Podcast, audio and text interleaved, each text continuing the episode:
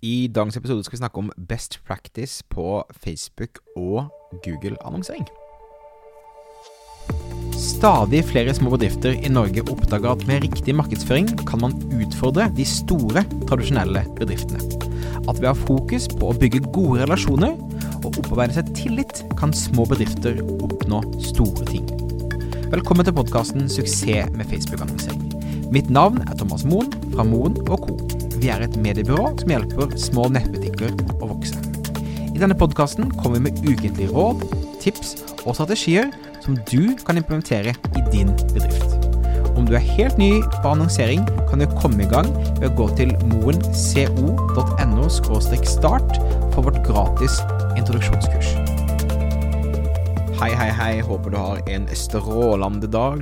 Det har i hvert fall jeg. Solen skinner her i på kontoret mitt, eller utenfor døren av kontoret mitt.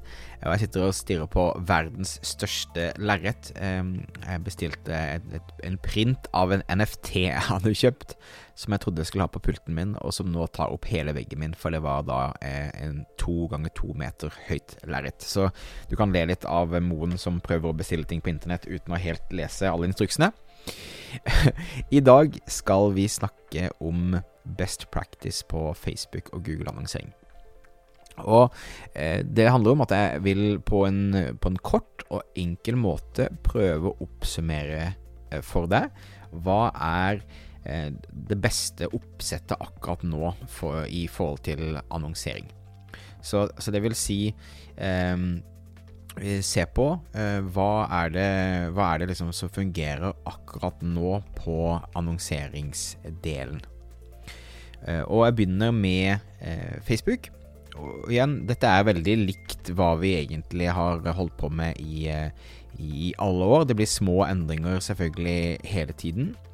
Men eh, på Facebook så handler det fortsatt om å kjøre to typer kampanjer. Du har en katalogkampanje, som er eh, kanskje den viktigste kampanjen og den mest lønnsomme akkurat nå for de aller fleste, spesielt for nettbutikker som er at Facebook velger ut eh, for deg hva slags produkter de skal vise individuelt til hver enkelt person på Facebook. Og så har vi eh, konverteringskampanjer, som er da når vi velger ut hva slags produkter som skal vises eh, til folk på Facebook. Så vi har to typer kampanjer som vi alltid kjører. Katalogkampanjen og konverteringskampanje. Og for noen kunder så kjører vi også da engasjement eller trafikkampanjer for å bygge publikum. Eh, men har du ganske godt med publikum, eller har ganske gode avkastninger, så holder det med å kjøre kampanje eh, på katalog og på konverteringskampanje. I begge disse kampanjene så har vi som oftest bare to målgrupper. Vi kjører budsjett på eh, på annonsesettnivå, men vi har en bred målgruppe, så bred som mulig. Spesielt etter IOS 14.5, som handler om å begrense trekkingen. Vi ser 50% mindre data nå i år enn vi gjorde i fjor, pga. at eh, Apple blokkerer dette. Så du ønsker så bred målgruppe som mulig. Så mange mennesker som mulig, så Facebook har masse mat å leite etter for å finne favorittene sine.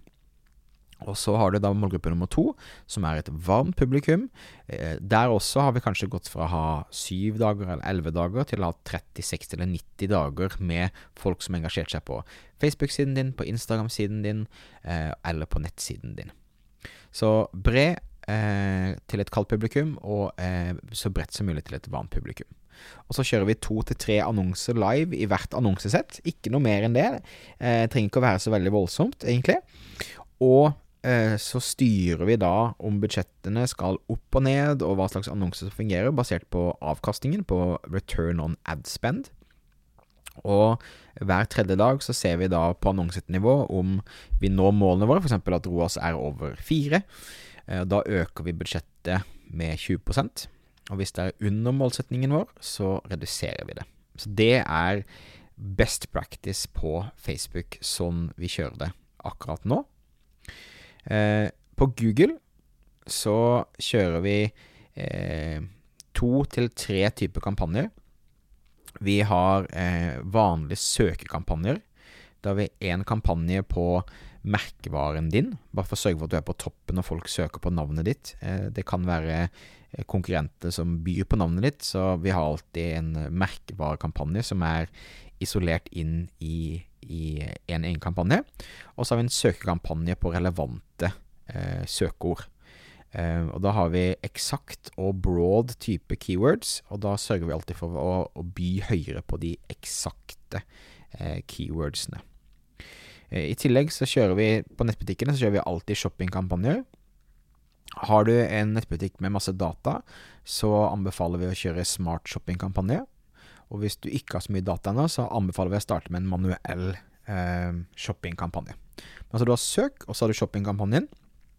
Og hvis du har mye konverteringsdata, og hvis det, har, hvis det, det er mange transaksjoner, så vil jeg også anbefale deg å sette opp det som heter en Performance Max-kampanje.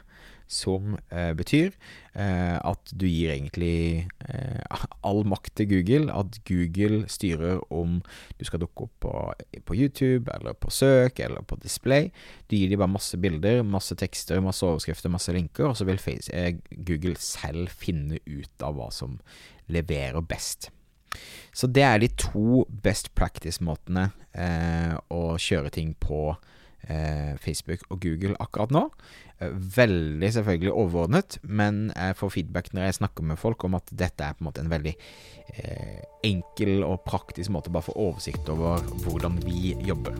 Så det er eh, dagens episode, dagens tips eh, til deg. Tusen takk for at du lytta på. Husk at du kan abonnere i podcast-appen din for å få med deg alle episoder. Det kommer ut en ny episode hver eneste onsdag. Eh, mitt navn er Thomas Moen. Vi høres igjen neste uke for en ny episode av Suksess med annonsering. Ha det fint.